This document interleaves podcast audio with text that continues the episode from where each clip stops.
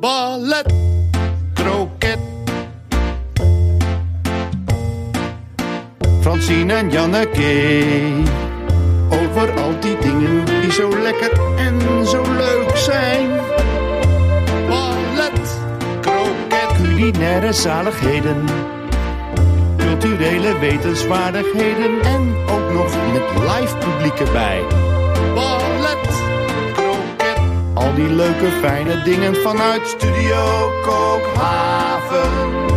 Ballet, kroket, ballet, kroket, ballet, kroket.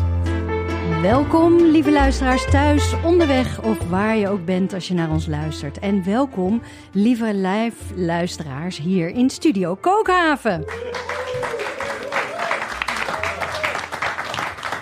U hoort het, Ballet Croquet wordt opgenomen voor een live studiopubliek. En we zijn dan ook de enige podcast met live reacties. En die komen binnen via de Ballet Croquet app. En we hebben met het publiek al genoten van de Ballet Croquet Huisband onder de tweekoppige leiding van Arend Bouwmeester en Matthijs Groené. Ja, die twee die geven ons altijd een privéconcert, dat wil zeggen voor ons en voor ons geweldige publiek, vlak voordat de opname begint. Want Francine, dit is hem, aflevering 1 van het officiële echte eerste seizoen van Ballet Croquet. We hebben natuurlijk lopen piloten dat het een aard had. En we zijn werkelijk alle Tot wij geen ons wogen, maar toch heel ja, nee, lang. we wegen nog steeds geen ons, ook niet bij elkaar opgeteld. maar we hebben daar wel ons best voor gedaan om dat te bereiken. Als eh, keurige meisjes met een streefgewicht. En, eh, maar dit is het. We gaan beginnen. Nu is het zover. We, Ja. gaan het we gaan het hebben over dingen die het leven leuk en lekker maken. Waarmee je het leven kunt vieren, versieren en verdiepen. Wij doen daar al 25 jaar onderzoek naar samen. Janneke, we kennen elkaar van ons werk op de redacties voor Kunststof en Manjaren op Radio 1. En wat blijkt? Al die onderwerpen kun je plaatsen op de lijn van ballet tot kroket. Waar zit jij vanavond? Ja, hoe, hoe breed en hoe lang die lijn ook is. Ik zit helemaal aan de kroketkant vanavond. Ja, ja. Niks balletterigs aan eh, te Nee, ontdekken. Ja, ik kan wel zeggen van het, het gaat over het hele leven en la condition eh, humaine en wat heb je allemaal. Maar dat is gewoon niet zo. Het is gewoon echt best wel kroketterig. Oké, krokant, warm, Ja. vers, lekker, net gebakken. Ik zit, eh, ik zit ook een beetje aan die kroketkant. Mm. Met heel veel nieuwe impulsen in de zomer. En nu ook zo dat gevoel van ah, een nieuw seizoen. Ja, leuk. Oh, leuke seizoenskroket kom je eigenlijk. Seizoenskroket. Oh, daar ben ik Precies, dat krokante. Ja, die binnenkant. Wat zit erin? Beetje mediterraan misschien? Eh, als jij dat wil. Ja, dat wil ik. Als jij dat wil. Oké. Ehm, nou, We beginnen in de keuken. ah, Want daar staat Esther Tabak van Gebak van Tabak. Je bent taartenbakker, bekend om je bruidstaarten. Wat voor maand is september voor iemand die bruidstaarten bakt? Ja, eh, chaotisch. Ehm, in de beste zin van het woord. Eh, vanaf ongeveer april tot en met eh, september is het full-on wedding season. Ehm, en september is echt nog, het, nog wel een deeltje van die piek in het seizoen. Dus september is lekker druk. En daarbij komt ook dat ik in juni ben ik mijn winkel, heb ik mijn winkel geopend eh, aan de School op Brugstraat 32. Gebak van Tabak, eh, een heel klein winkeltje eh, in Amsterdam, vlakbij uh, Amstelstation, bij de Weesperzijde. En dat was ook wel lekker druk, naast alle bruidstaarten die er gemaakt worden. We gaan straks meer van je horen en eh, ook van je proeven. maar we hebben natuurlijk ook onze gidsen van de avond. En dat zijn de mensen die voor ons het culinaire en culturele landschap helemaal afgrazen en vertellen over wat zij daar deze week uit willen lichten. Helena Hilgerdenaar, redacteur kunst en cultuur bij de NTR, afdeling verdiepende kunst. Tease ons eens even, wat heb jij mee voor ons vanavond? Ja, ik heb een levensverhaal mee van een vrouw eh, die volgens mij veel te onbekend nog is. Ze was verzetstrijder in Amsterdam. Ze was eh celliste. Ze was de eerste vrouwelijke dirigent van Nederland. En veel te weinig mensen kennen haar naam. Maar nu is er dan toch, eh, naast een boek, wat er al was, een theatervoorstelling en een gloednieuwe documentaire van niemand minder dan de Engelse Stephen Fry. Oh, wauw. Ja, dus het is heel erg ballet wat Ja. doen. Oh, wat fijn. Ja, dat is goed voor de, Voor de voor de bala- balans. balans. Ja, en we hebben Annewieke Korsen. Ze is fotoredacteur, ze is kunsthistoricus. maar ze is zoveel meer nog, lieve mensen. Wat gaan we met jou doen vanavond? Ik wil vooral het eh, vakantiegevoel een beetje vasthouden. Aha. En ehm, elke vakantie heeft een vakantiehit. Ja, En dat is meestal een liedje. In mijn geval was het een serie. oké. Mag ook. Het mag ook. Zeker. Het, Het was mag een er heerlijk niemandalletje. En, ehm, en een boek wat eigenlijk aansluit op het niemandalletje. Want beide zijn coming-of-age drama's. En eh, thema lezen. Ik bedoel, niet zo fijn als tijdens een vakantie eh, in het land waar je bent een boek lezen wat eigenlijk naadloos aansluit op je omgeving. Dus dat als je iets leest, dat je opkijkt en denkt... hé, hey, maar ik zie het ook, ik ben er ook, ik ruik het al. Oh, en toevallig goed. was dat boek wat hier op tafel ligt... ehm, Speelde zich af in jouw vakantie? in mijn vakantieomgeving. Nou. Dat je denkt, waar zijn die mensen waar, die in het boek rondlopen? Zie ik zo ook in het echt? Hmm, Dat idee. Ik kan niet wachten op dit verhaal. Janneke en Fransien. Francine, Francine, Francine. Het belooft hier weer een heerlijke aflevering te worden. Maar, ho, ho, ho, we zitten hier wel in een podcast. Dus beginnen we met jouw week. Wat heb je gezien, gedaan, gehoord, geproefd? Ik ga iets met jullie delen. eh, dat is een film, Ultima, L'ultima notte di amore. Een eh, Italiaanse film eh, over een politierechercheur die na 35 jaar, ja, eigenlijk aan de vooravond van zijn pensioen staat. Eh, er wordt thuis een feestje georganiseerd voor hem. En eh, het is een film. Ik ga jullie straks vragen eh, hoe jullie reageren als een film eigenlijk te eng is op momenten. Ik heb bij mezelf ontdekt, ik doe iets heel raars, maar daarover straks meer. Ehm, deze man, 35 jaar trouwe dienst, nooit iets gedaan waardoor hij uit het ambt ontheven is. Of, hè, want als politieagent mag je natuurlijk nooit eh, een scheve schaats rijden. Eh, in het land waar corruptie, eh, hè, al snel denk je aan de maffia, als je denkt aan films, Italië, dan is dit gelukkig geen cliché film over de maffia, maar het gaat wel over hoe makkelijk het is, ook als brave eh, rechercheur die graag dat pensioen wil krijgen, dus het niet moet verkloten. eh, hoe makkelijk het is om toch nog net even eh, de verkeerde kant op te gaan. Het is eigenlijk een soort variatie op het thema de laatste klus doen als crimineel. Precies. Maar voor hem is het dan ook meteen zijn eerste klus. Eigenlijk is het zijn eerste klus. Hij doet af en toe naast zijn politiewerk doet hij wel klusjes, maar echt redelijk ongevaarlijk. Maar nu, vlak voor zijn pensioen, krijgt hij de kans om een enorme klapper te maken. En hij kan het niet weerstaan. Zijn vrouw eh, uit een maffiafamilie, waardoor hij nooit promotie heeft kunnen maken, eh, stimuleert hem. Ze, heeft, ja, ze zegt, eh, doe het, doe het. Dus hij gaat ervoor op zijn afscheidsfeestje thuis. Hoor je hoe die wordt weggeroepen thuis, omdat er een verschrikkelijke schietpartij is geweest in een verkeerstunnel. Wat blijkt in de film als kijker word je meegenomen tien dagen terug. Je ziet wat daar gebeurd is, namelijk daar waar hij zijn klusje aan het doen was, Oh. is het volledig uit de hand gelopen. Wat er dan volgt is zo ijzingwekkend spannend. Eh, hij gaat daar naartoe. Thuis is dat feestje. Hij gaat dus eigenlijk de gevolgen van zijn eigen faux pas, zijn eigen verkeerde stap, gaat hij onderzoeken. Dus jij als kijker weet dat hij onderzoekt nou ja, waar hij zelf fout zat. Eh, en je ziet hem in dat hele spel. Eh, zijn vrouw komt er nog bij, speelt ook een rol. Ja, het maar, is... En het is dus ook echt bruut. Nou, het is, het is heel bruut. En daarover, eh, het is, het is bruut. Er, nou ja, er, gaan, er gaan meerdere mensen dood op afschuwelijke eh, wijze. Eh, maar wat er dus gebeurt met mij als ik zo'n film zie, eh, is dat ik het niet kan horen. Dus ik doe alleen mijn oren dicht, maar ik kan het allemaal prima zien. En dat vond ik eigenlijk een hele wonderlijke ontdekking. Maar dit bracht me wel terug naar bijvoorbeeld Q&Q. Een serie van wat langer terug, voor Ja. de mensen die wat ouder zijn. Een zogenaamde jeugdserie, maar jeutje, dat was ook. Nou ja, dat was eigenlijk de eerste serie dat ik echt bang voor de televisie zat. Achter me ging kijken. Daarna schrok van ieder geluidje in het huis.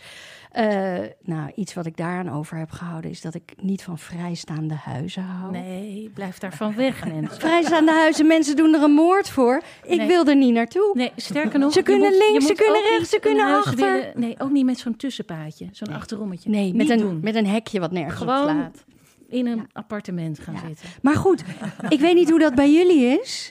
Als het eng is in de film, wat doe je? Doe je ook je oren dicht? Ik doe Oh. meteen het geluid uit. Oh, En dan is het helemaal niet meer erg. Ook Nee. Jos. maar kun je ook alles zien? Ja. ja, nee, dan zie je het allemaal prima. Het is echt waanzinnig, hè? Maar de echt een afslachting kan ik gewoon rustig bekijken, blijkt. Oh ja. Ja, Ja, ik vond het ver gaan. Nou, ik ben een keer zo ver gegaan dat ik op mijn bioscoopstoel ben gaan zitten met de rug naar het scherm toe. Eh, mijn handen zo over mijn oren en mijn ogen.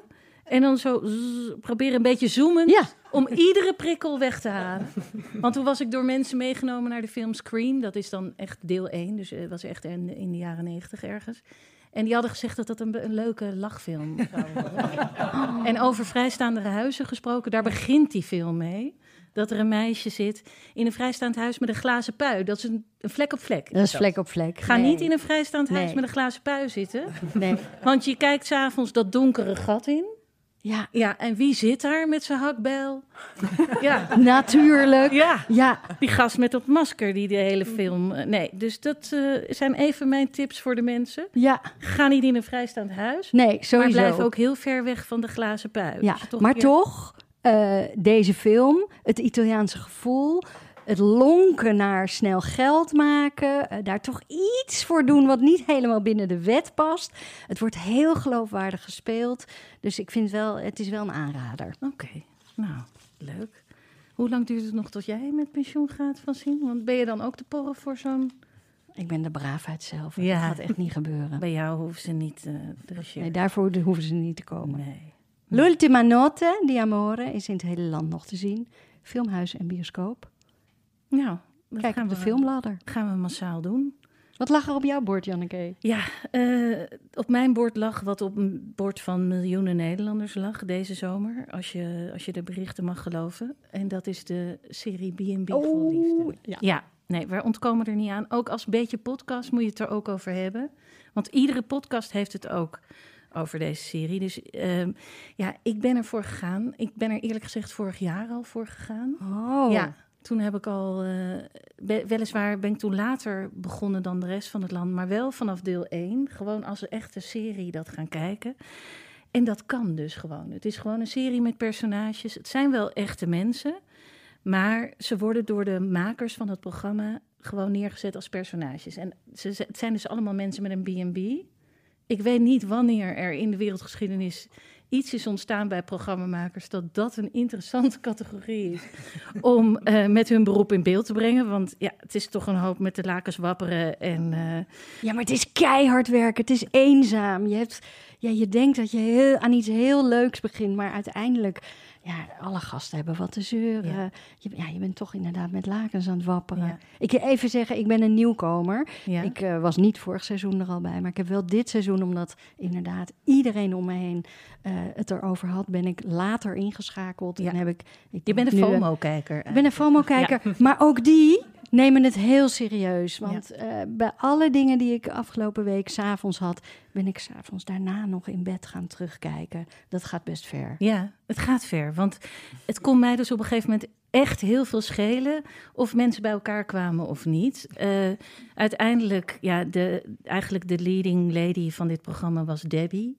Een, een ontzettend leuke vrouw, heel goed, rap van de tongriem gesneden. Een totale boss lady, die, die, die daar in, in Spanje en eigenlijk stiekem gewoon een soort hotel runde. Maar deed alsof dat een B&B was. En, eh, en haar vriendinnen. Er was, iedere week was er weer een hele groep met vriendinnen die er ook zaten. Met wie ze die En- mannen ook heel uitvoerig besprak. ja, kapot maakte ook. En, maar er kwam dus, de eerste man die bij haar kwam, dat was Paul. En dit is dus de, het liefdespaar waar iedereen het over heeft, Debbie en Paul. Paul kwam daar aan en je dacht, ach gos, die jongen die heeft geen enkele kans. Bij Debbie, want Debbie is veel te... Flamboyant. Ja, die is gewoon... En Debbie dacht dat eigenlijk zelf ook, maar boy, was she wrong. Echt. Paul, die ging gewoon voor de long game. Die ging daar, die liep daar rond, die dacht, ik moet vooral niet dit mensen gaan irriteren, want dan ben ik zo weg. Dus die is er gaan rondlopen. Zij is ook zo'n vrouw met, met zeg maar King Louis jurken en overal plastic bloemen en kitscherige vaasjes.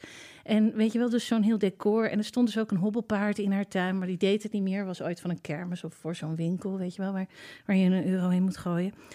Nou, Paul die ging dus als eerste project zorgen dat dat hobbelpaard het weer ging doen. Ja, dan snap je dingen. Ja, hij dook in de klusjes. Hè? Hij dook in de klusjes en hij dook ook op een niveau van klussen waar Debbie zelf al helemaal niet meer in geloofde. Ze had echt iets aan hem. Ze had echt iets aan hem. En ze snapte zelf niet wat er met haar gebeurde. We hebben het als heel Nederland kunnen zien.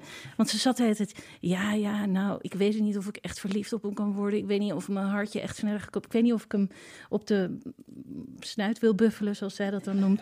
Ehm, weet je wel? En wij dachten ook allemaal, hè, wij weten het ook niet, Deb. We weten het ook niet. Maar Paul die wist het wel. Die dacht, ik moet hier gewoon blijven rondlopen. En dat deed hij. En hij, ging met een grasmaaier, reed hij een snoer kapot. Was geen handige zet. Maar hij kwam overal mee weg. Hij liep daar met die gasten. Hij vond het helemaal niet erg dat Debbie de godganse dag met haar B&B en de gasten en de vriendinnen bezig was. En maar een snipper van haar tijd had voor hem. Hij, hij dronk het allemaal op. Het één moment echt uit een early stage van hun relatie. Dat zegt Debbie... Uh, heb je zin om mee te gaan sporten? Dan denkt hij, yes, een één op één moment met Deb. Dan gaan ze naar de sportschool. Maar wat is sporten met Debbie? Debbie gaat met haar persoonlijke trainer naar het VIP-gedeelte van de sportschool. En Paul staat in zijn zwembroek en een t-shirt op All-Stars op zo'n loopband in een verlaten zaaltje. En, en zo te kijken met zo'n blik van, hoe ben ik hier nou weer beland? Maar zelfs dat weerhield hem er niet van om gewoon onnavolgbaar op dat, op dat hart van Debbie te blijven jagen. En gisteren was de reunie op televisie. Zijn strategie heeft gewerkt, hè? Het heeft totaal gewerkt. Debbie is zijn meisje, ze hebben dikke vette verkeringen. Ze hebben op, op televisie elkaar omhelst met armen en benen. Nou ja. Maar vond je ook dat hij er hij zag er helemaal anders uit. Ja, hij was. Toen het eindelijk gelukt was. De wind was door zijn haren. En hij heeft van nature een beetje een stemgeluid. wat op dat van Bert, van, van Sesamstraat, van Bert en Ernie, lijkt. En dat is natuurlijk al wat een geknepen stemgeluid. En, en als je dan gaat praten over jezelf van ja, ik weet niet of het helemaal gaat lukken om hè, dan wordt dat nog, wordt het nog benauwder, maar dat is weg. Er is, er is wind in die stem gekomen, er is wind in zijn haren gekomen. Opeens begreep je begreep Debbie, hè, dat ze voor hem viel. Totaal. Ja, ja, even, hè, want dit gebeurt dus de hele tijd op feestjes ook en met iedereen met wie je zit bijna iedereen heeft het gezien. Maar kijk ik nu tegen drie gezichten aan deze tafel die het ook hebben gezien? Of zijn jullie gewoon weigeraars? Ja, ik, ben, ik ben deze week één aflevering gaan kijken. Want ik, ik kon er niet meer tegen. Dat ik gewoon niet wist waar, waar dit over ging. Nee. Ja, die FOMO toch wel, hè? Ja. Nou ja, ik had maar om nou dat allemaal nu al bekend is hoe het afloopt, is het eigenlijk meteen in één klap als een ja. in elkaar gezakt. Denk ja, ik dan ja, ja, ja, ja, ik heb nu inderdaad een soort rol van Patty Bart gespeeld in, uh, in ik weet niet welk showprogramma zij zit, maar dat is wel een beetje zo, maar ook niet. Het is ook niet zo, want eigenlijk kan het iedereen, jullie die die, die serie niet hebben gezien, kan heel Paul en Debbie niet schelen. Maar als je gaat kijken, dan word je langzaam meegenomen. Erin. Nee, en dat schijnt dus zo ontzettend slim gedaan en goed gemonteerd. Geweldig gemonteerd. ja. Muziek erbij, die werkelijk top is. En... het, is, het was echt fascinerend hoe het zelfs in, in alle uh, gerenommeerde kranten zag ik recensies en verslagen. En ik denk, nou, oh, gelukkig, we zijn niet gek. aan de hand. Ja. Nou, mensen die toch nog terug willen kijken. Uh, de, de serie B&B Vol Liefde is volledig terug te kijken ja.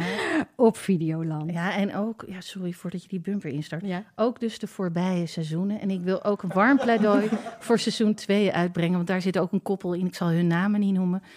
Maar die deliveren ook mega, echt heel erg. En die gaan trouwen zelfs. Ja, het is, ik, het is ik ga het even bedenken, want uh, als ik begin, dan uh, kijk ik ze waarschijnlijk allemaal. Ja. Wat komt nu? Wat komt nu?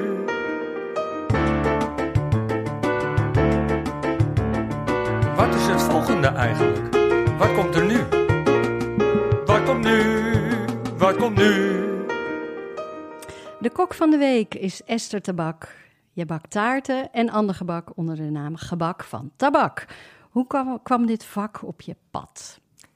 Um, ik heb een horeca-achtergrond. Ik heb uh, middelbare hotelschool gedaan. En uh, in die tijd um, ja, veel geleerd gedaan met koken. En daarvoor nog ging ik altijd taarten bakken met mijn vader.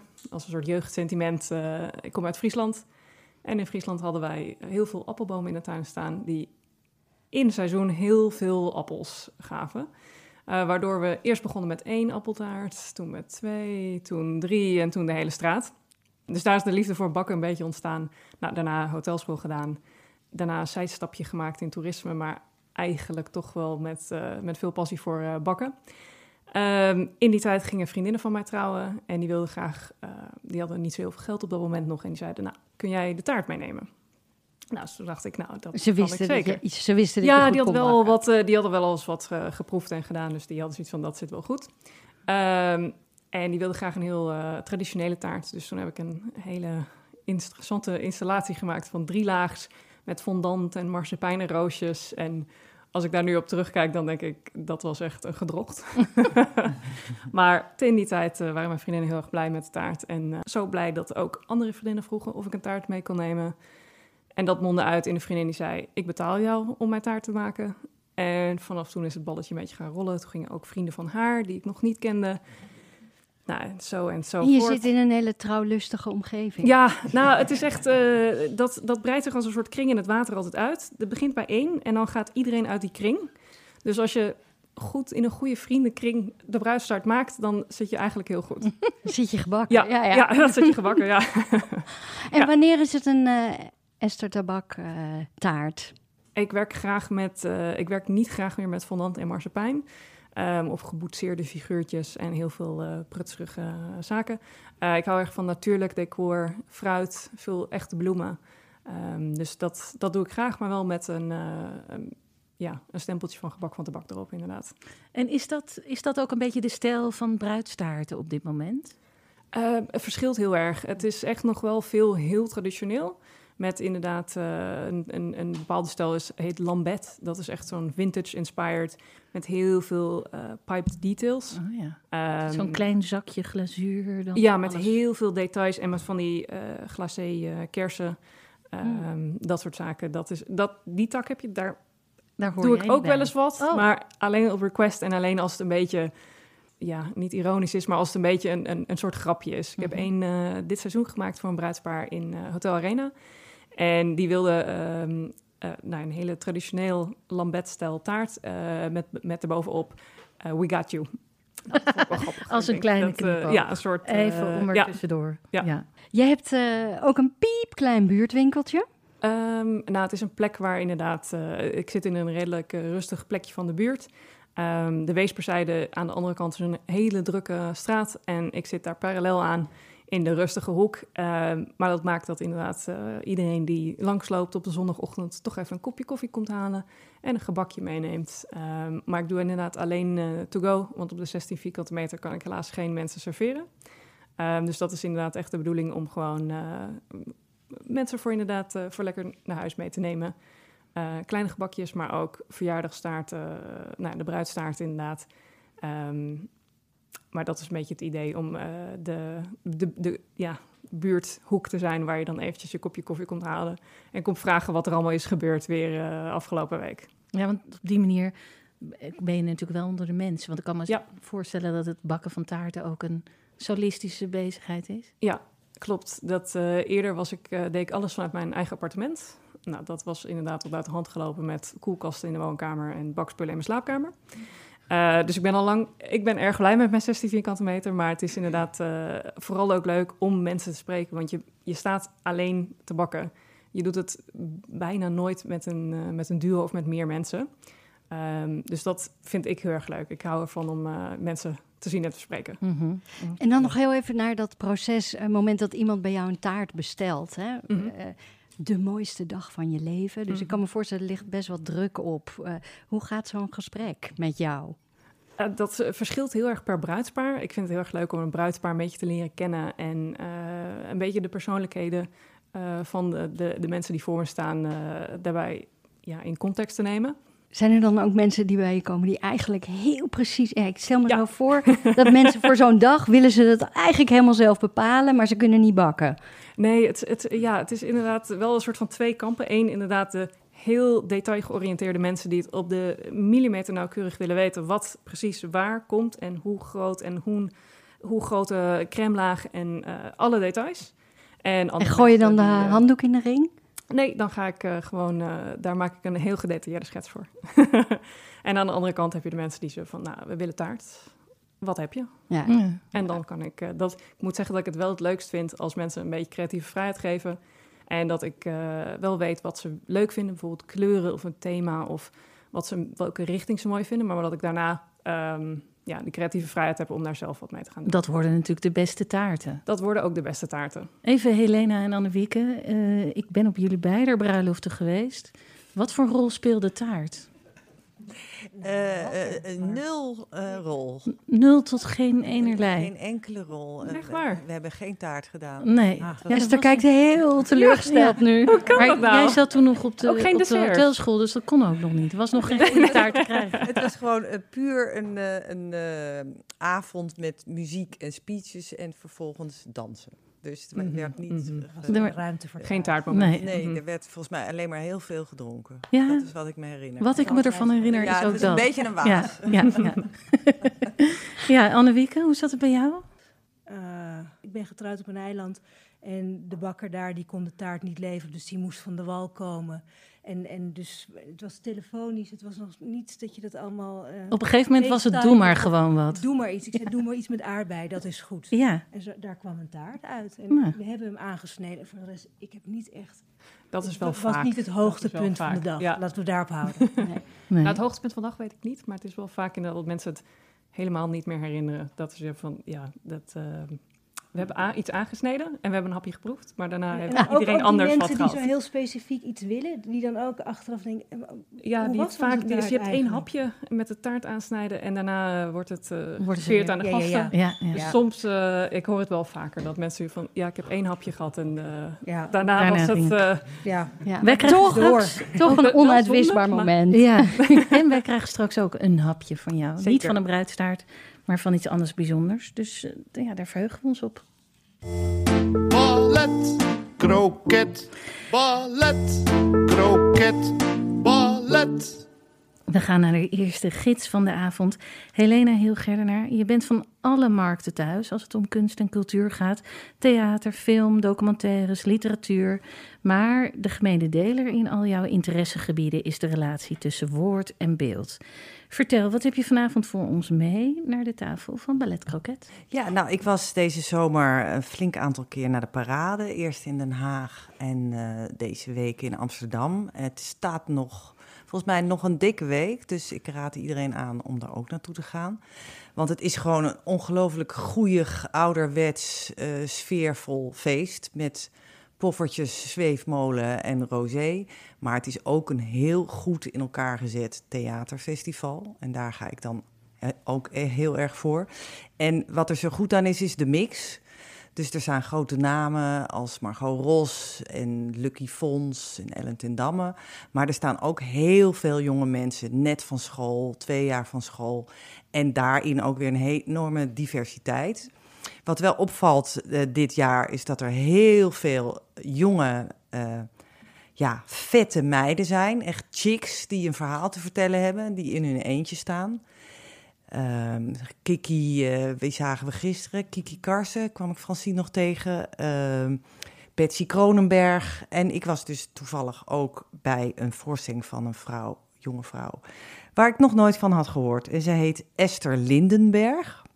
En uh, nou, dat is een multitalent, kan ik wel zeggen. Want ze stond in haar eentje en zij speelde cello, fluit, zij zong, ze danste en ze acteerde. Oh dus en allemaal in een half uur.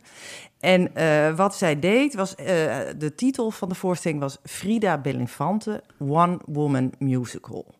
Dus zij heeft een musical gemaakt van een vrouw die mij heel na aan het hart ligt. Uh, want daar is ook een heel dik boek over verschenen. En dat is uh, Frida Bellinfante. En ja, zij heeft uh, bijna een eeuw geleefd. Zij is 90 jaar geworden. En zij was, ja, in, zij komt uit een muzikale familie in Amsterdam-Zuid. En zij is celliste geworden en vervolgens eh, is ze gaan dirigeren. En zij was eigenlijk de eerste vrouwelijke dirigent van Nederland. En dat weten heel weinig Nee. mensen. En ze had ook een eigen orkest. En ze speelde voor het eerst in, in het concertgebouw. Eh, niet met het concertgebouw orkest, maar toch, dit was al bijzonder met haar eigen kleine orkest. En nou ja, dat was eigenlijk een hele succesvolle carrière. En wat ook bijzonder was, ze was vrij openlijk lesbienne toen al. Ze liep in mannenkleren. Uiteindelijk is ze wel getrouwd met iemand. Maar ze zei, jongens, dit doen we even voor de vorm. Want anders is het allemaal Dat lastig. je. eh, eh, hè, Mhm. Voor de jaren 20, jaren 30 moet je je voorstellen. Maar ja, dan komt die oorlog. En eh, ja, deze vrouw, waar je denkt, nou, dat is een, een muzikant. Maar nee, die, gaat, die stort zich volledig in het verzet. Die gaat, terwijl ze dus half Joods is, haar vader was Joods. Eh, maar ze is heel moedig. Ze gaat eh eh, persoonsbewijzen vervalsen. Ze doet courierswerk. En ze sluit zich aan bij een hele beroemde verzetsgroep van Gerrit van der Veen en ehm, Willem Arondeus. En zij doet en denkt mee over de aanslag op het Amsterdamse Administratiekantoor. ja, ja, gemeentearchief. Nou, Ja. nee, zo heet het niet. Het heet, nou, ik heb het ergens opgeschreven. nou, in ieder geval waar je kon zien wie Ja, er waar dat is waar nu, waar nu Ja. de plantage in zit. eh, waar de persoonsbewijzen lagen van eh, de hele stad Amsterdam. Mhm. En eh, daar is een aanslag op gepleegd om natuurlijk die persoonsbewijzen... om hè, natuurlijk zoveel mensen in de onderduik te helpen. Maar goed, heel veel mensen kennen haar naam helemaal niet, Frida Bellinfante. Dus goed, er is acht jaar geleden een boek verschenen van Tony Bouwmans.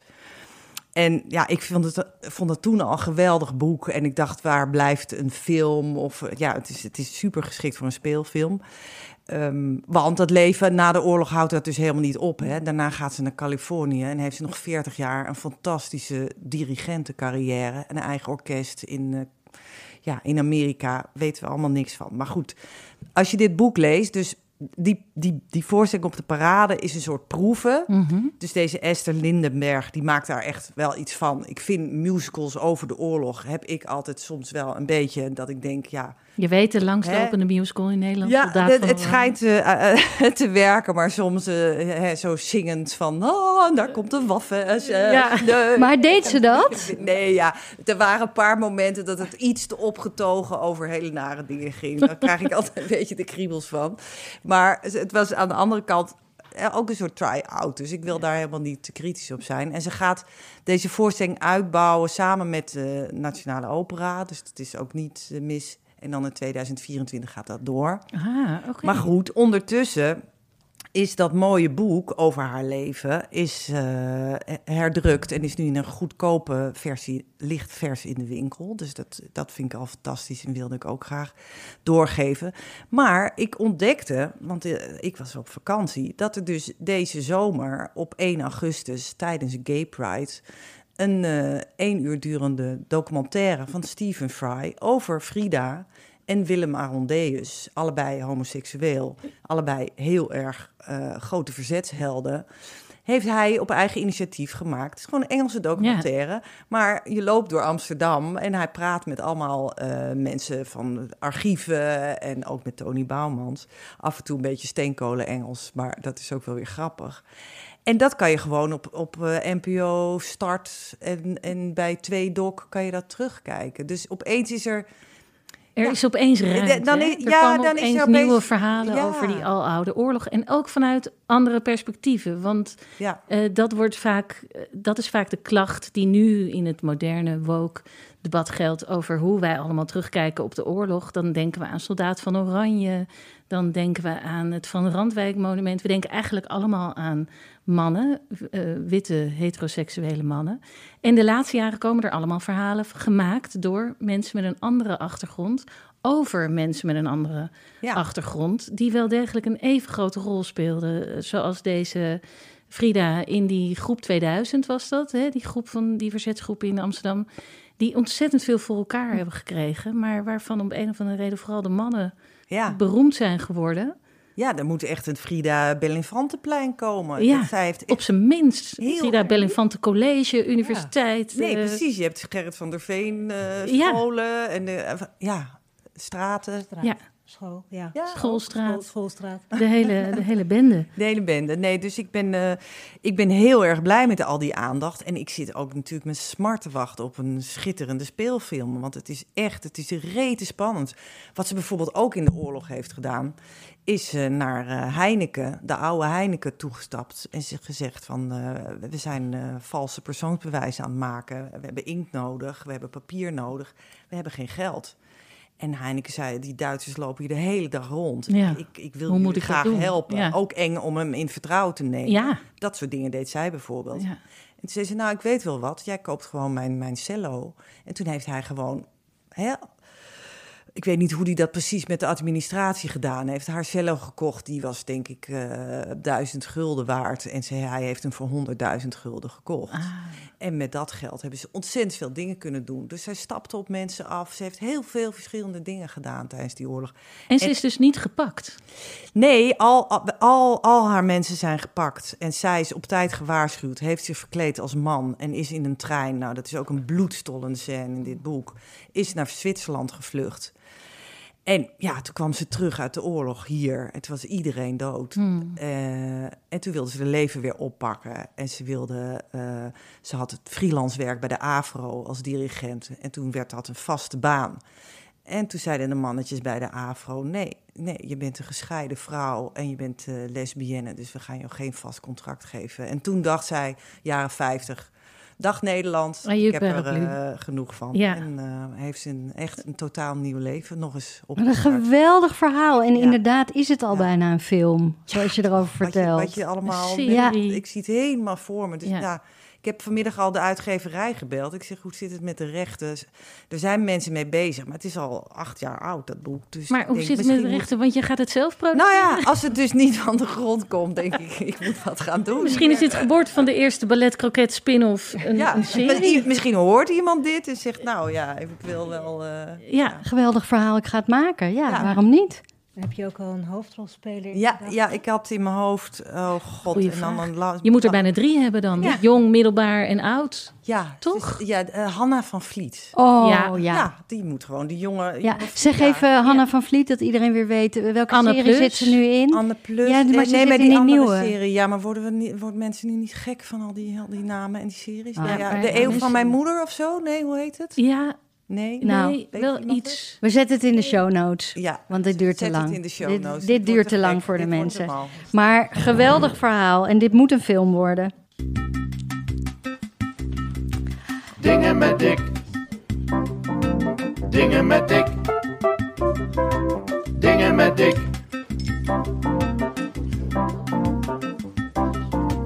Dingen met dik.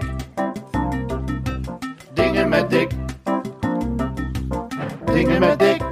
Dingen met dik. Dingen met dik.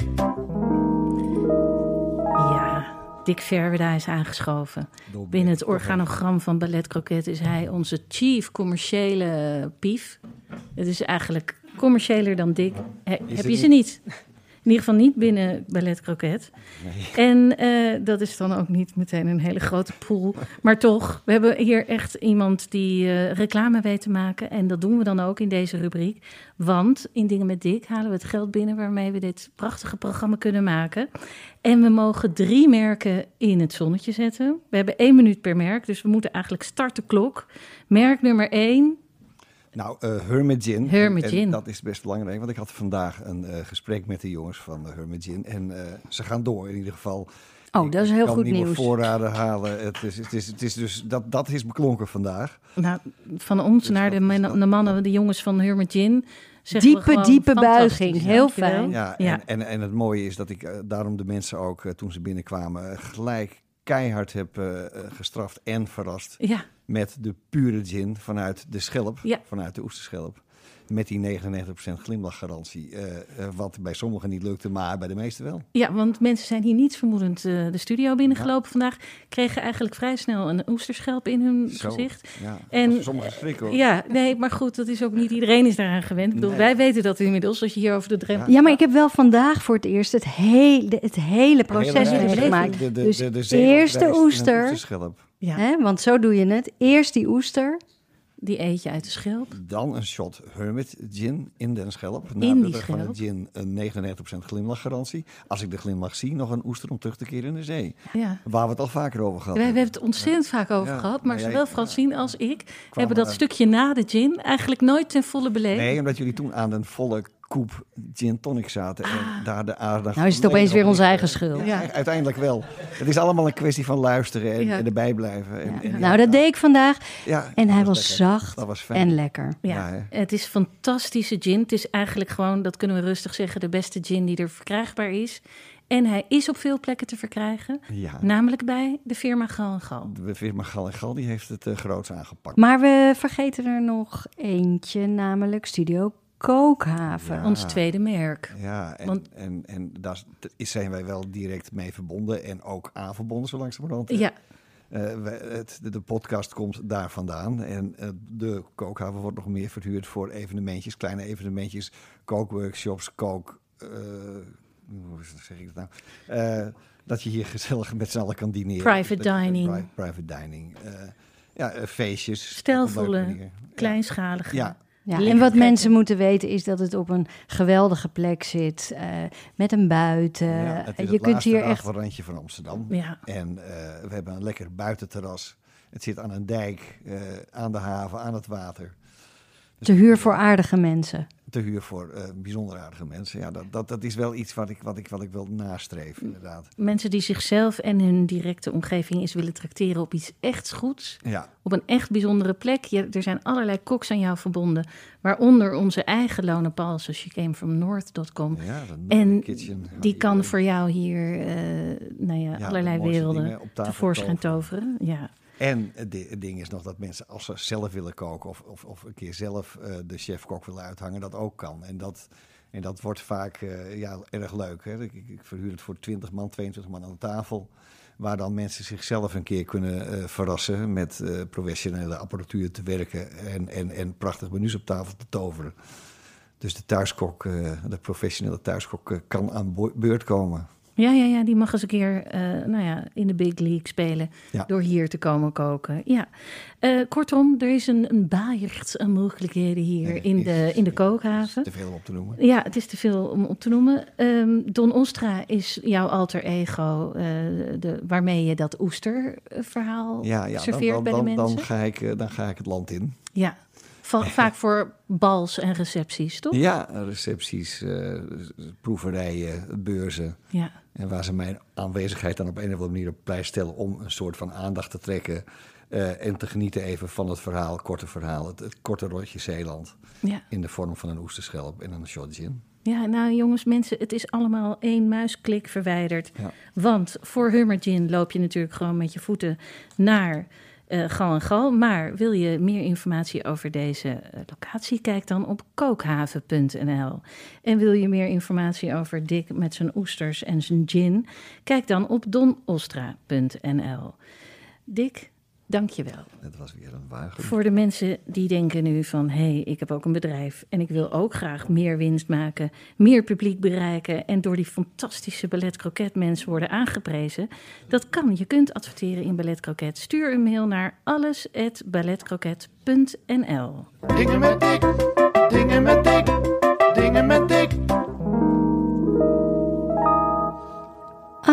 Korsen, onze gids met een vrije opdracht binnen het spectrum van ballet tot kroket. Je bent kunsthistoricus. Hoor je nou liever kunsthistoricus of kunsthistorica? Ehm goeie vraag. Nou, Ik denk gewoon kus is gewoon is prima. Denk ik. Kus. Kus. Kus, kus. is altijd goed. Oké, kus. K is kus. ook weer zo Oké. kattig. Je bent kunsthistoricus en fotoredacteur, maar die twee dingen definiëren jou en je interesses maar ten dele. Je reist graag, je leest graag en je bent een kenner van opera's en ballet. En vandaag neem je ons mee naar een boek en een serie. Waar wil je mee beginnen? Ja, het ene is wat zwaarder dan het ander. Dus wat heeft voorkeur? Je mag kiezen. Ik mag kiezen. Laten we gewoon zwaar beginnen. Ja, Het is, eh, ik heb hier een enorme pil voor me liggen. Het is eh 1230 bladzijden. Het heet eh, Max, Misha en het TED-offensief. Ook geen lichte titel natuurlijk. Mhm. Van de eh, Noorse schrijver Johan Harstad. Hij heeft er ooit de Europese Literatuurprijs meegewonnen. Het is al een, een beetje een oudje, maar het gaat over eh, Max, dat is de hoofdpersoon, Max Hansen.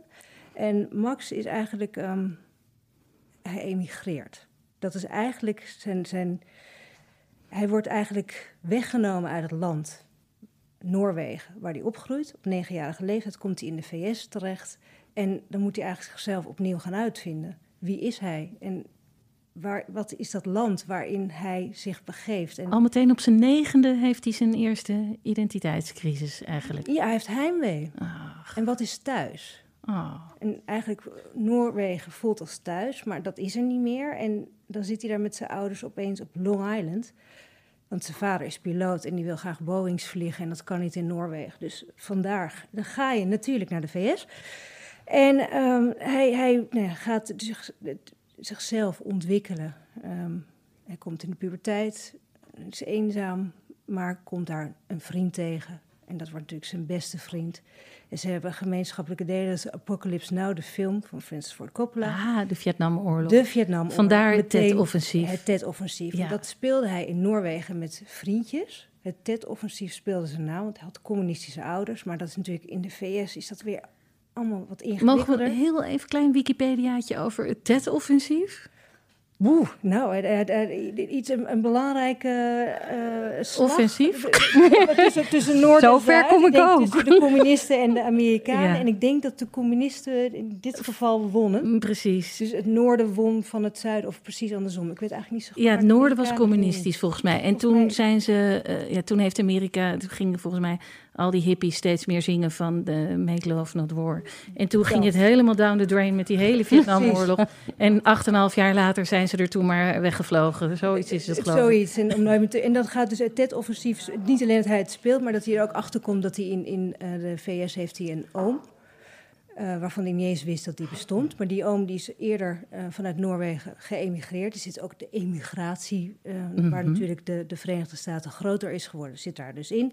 Die oom heeft afscheid genomen van zijn vaderland, maar eigenlijk ook van zichzelf. kwam een identiteitscrisis. Dus zoals het hoort, wie ben ik? Dat is zeg maar het thema een beetje van het boek.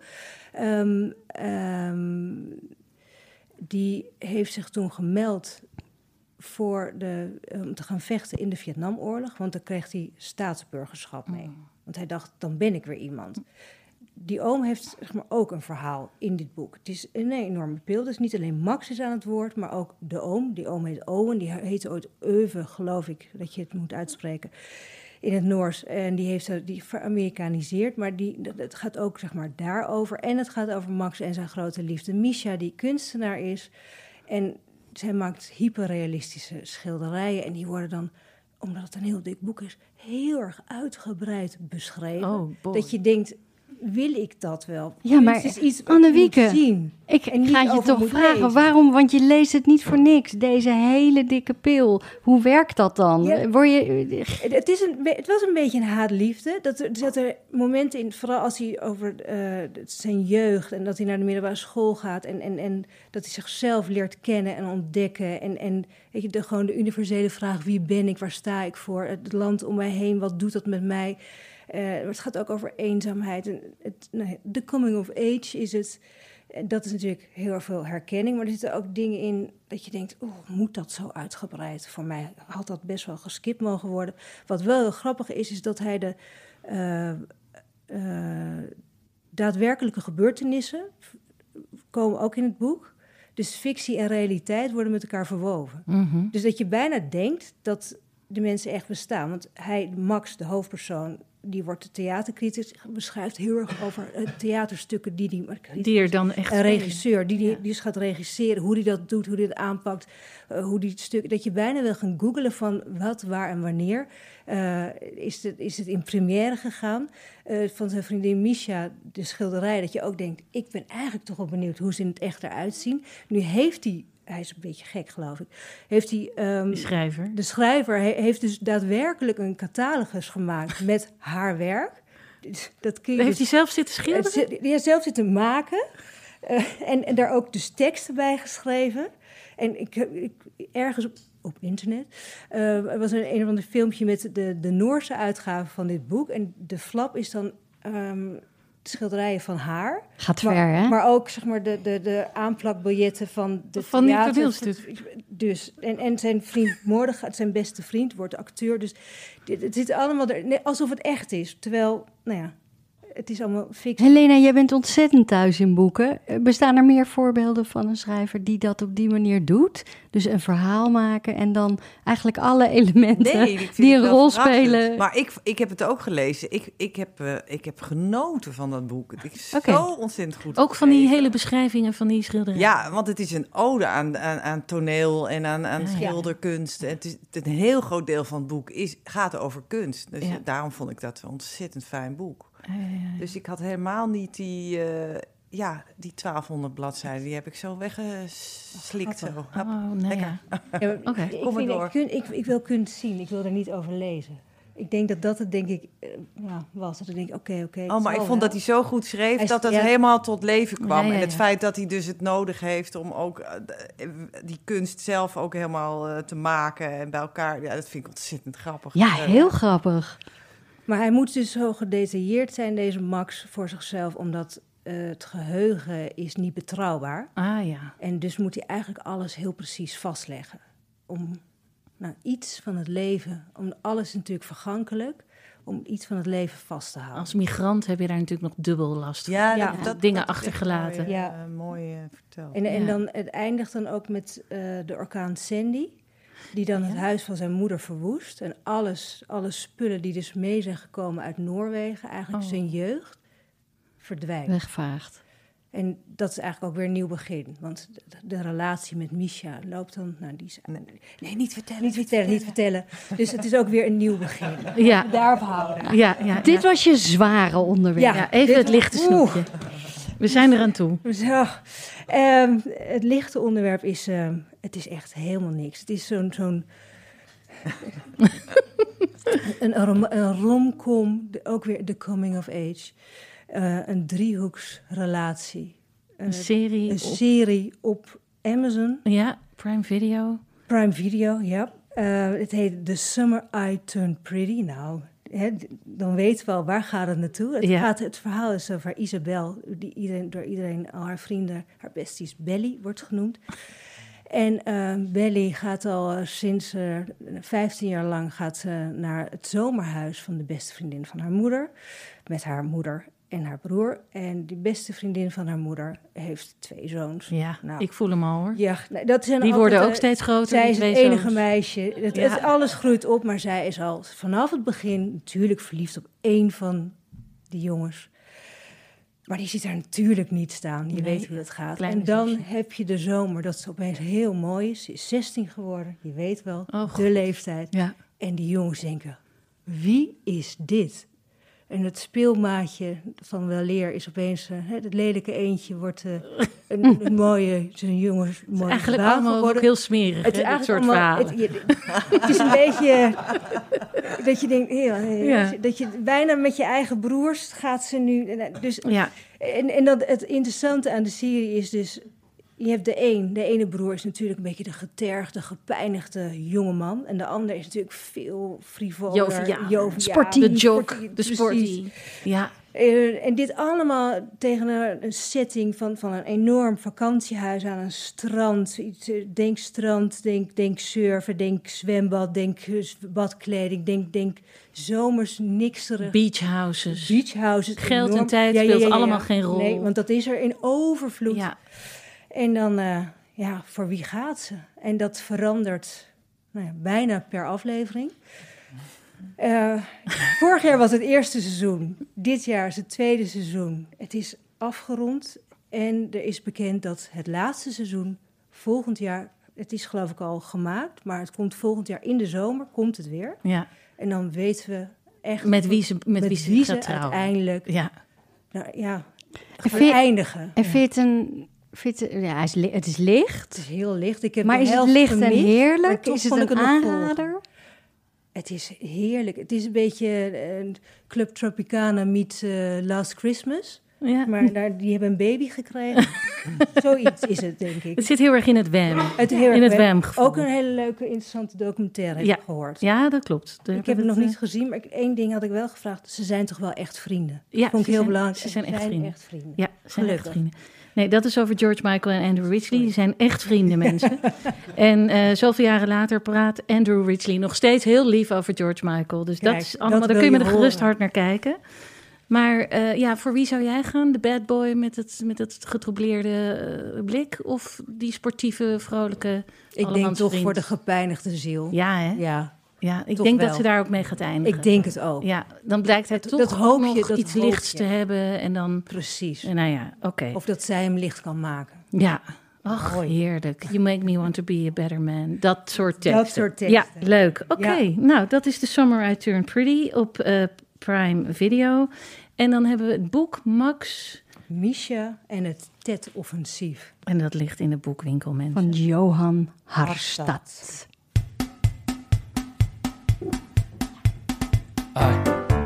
Wie is de kok? Laat mij eens spreken met de chef. Ai. Waar is de kok gebleven, chef? Ai. Waar ben je nu? Laat mij eens spreken met de chef. Ai. Wie is de kok? Ai. Wie is de kok? Ai. Ja, de kok is Esther Tabak. Ze is een bakker. En eh, ze bakt gebak van tabak. Je hebt voor ons iets meegenomen. En ehm, het is een madeleine. Klopt. Eh, ik heb voor jullie vanavond eh, de traditionele vanille madeleine met een eh, laagje witte chocolade.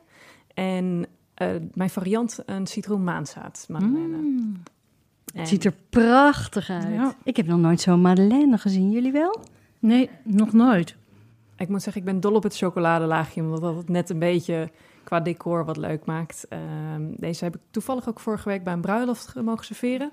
In verschillende pasteltintjes. Ehm, Ja, het is een schattig leuk gebakje. Ja. Ehm, het is natuurlijk, de madeleine moet altijd een buikje hebben. En je hebt hem in zo'n schelpvormpje hè? Ja. Eh, gebakken. Waardoor die witte chocolade ook echt heel mooi... ja, die, Strak. eh, ja, ik ben ook heel dol op ehm, goed getempereerde chocolade, waardoor je echt nog die snap eh, ervaart. Nou, absoluut Eh, in plaats van een hand. laagje een beetje zachte chocolade. Nee, het smelt ook niet in je hand. Nee. En die krak zit erin. En ik heb de citroen maanzaad Mhm. variant. Die is heerlijk. En je kan hier aan zien dat jij, Esther, echt oog hebt voor detail. Je wil dat het klopt. Want alle onderdelen van die madeleine... het is een verraderlijk koekje. Koekje, cakeje. Het is een Mhm. cakeje eigenlijk. ehm, die vaak bij de koffie wordt geserveerd. Mhm. Eh, heel moeilijk om dat precies goed te krijgen. Laat staan dat je hem daarna nog met een chocoladelaagje... Ja, alle afwerkt. elementen moeten kloppen. Bij, eh, vooral bij een traditionele. Iedereen heeft wel eens een madeleine gehad. Dus eh, alle elementen moeten kloppen. Ja, Dus het wordt ja. ja, de, eh, de, met alle, net als alle andere dingen in mijn winkel. Het is eh beproefd recept.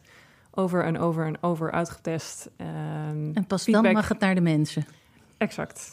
Esther, wil je onze vriendin worden? Ik, ik ga nog een keer trouwen. En dan wil ik wat madeleines en die taarten en alles. Ach, wat heerlijk. Ja, jongens. Gebak eh, van tabak. Ik Gebak van tabak. eh, laat het niet aan je neus voorbij gaan. Zorg dat je wat gebak van tabak krijgt. En zo zijn we eigenlijk in een het teken van de liefde stond deze opname, Francine. Want we hebben, ja, wat hebben we allemaal meegemaakt? We zijn. Eh, we hebben die verraderlijke liefde van jou gehad in die Mhm. Italiaanse maffiafilm.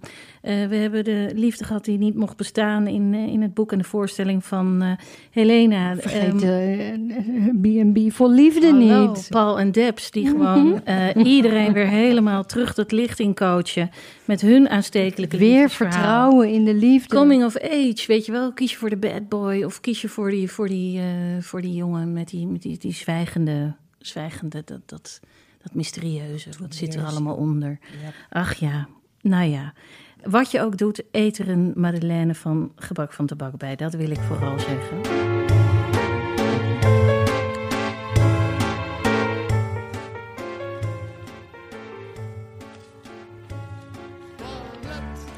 Dit was de eerste aflevering van het eerste echte seizoen van Ballet Croquet. We danken onze gasten Esther Tabak, Helena Hilgerdenaar en Annewieke Korsen. Grote dank en een extra groot hartje aan de Ballet Croquet Huisband onder de tweekoppige leiding van Arend Bouwmeester en Matthijs Groené. En even zoveel liefde voor de kok die uit het noorden kwam, Lone Palsen, die ons vandaag verzorgd heeft.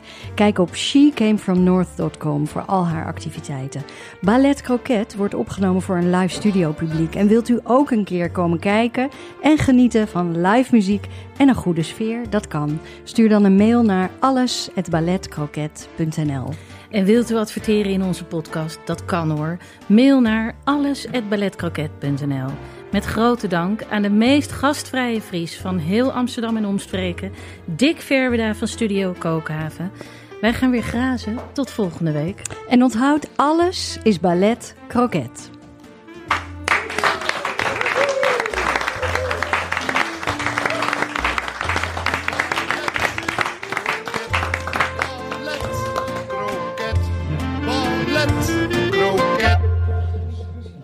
Ballet, kroket. Zo, nu een kroket.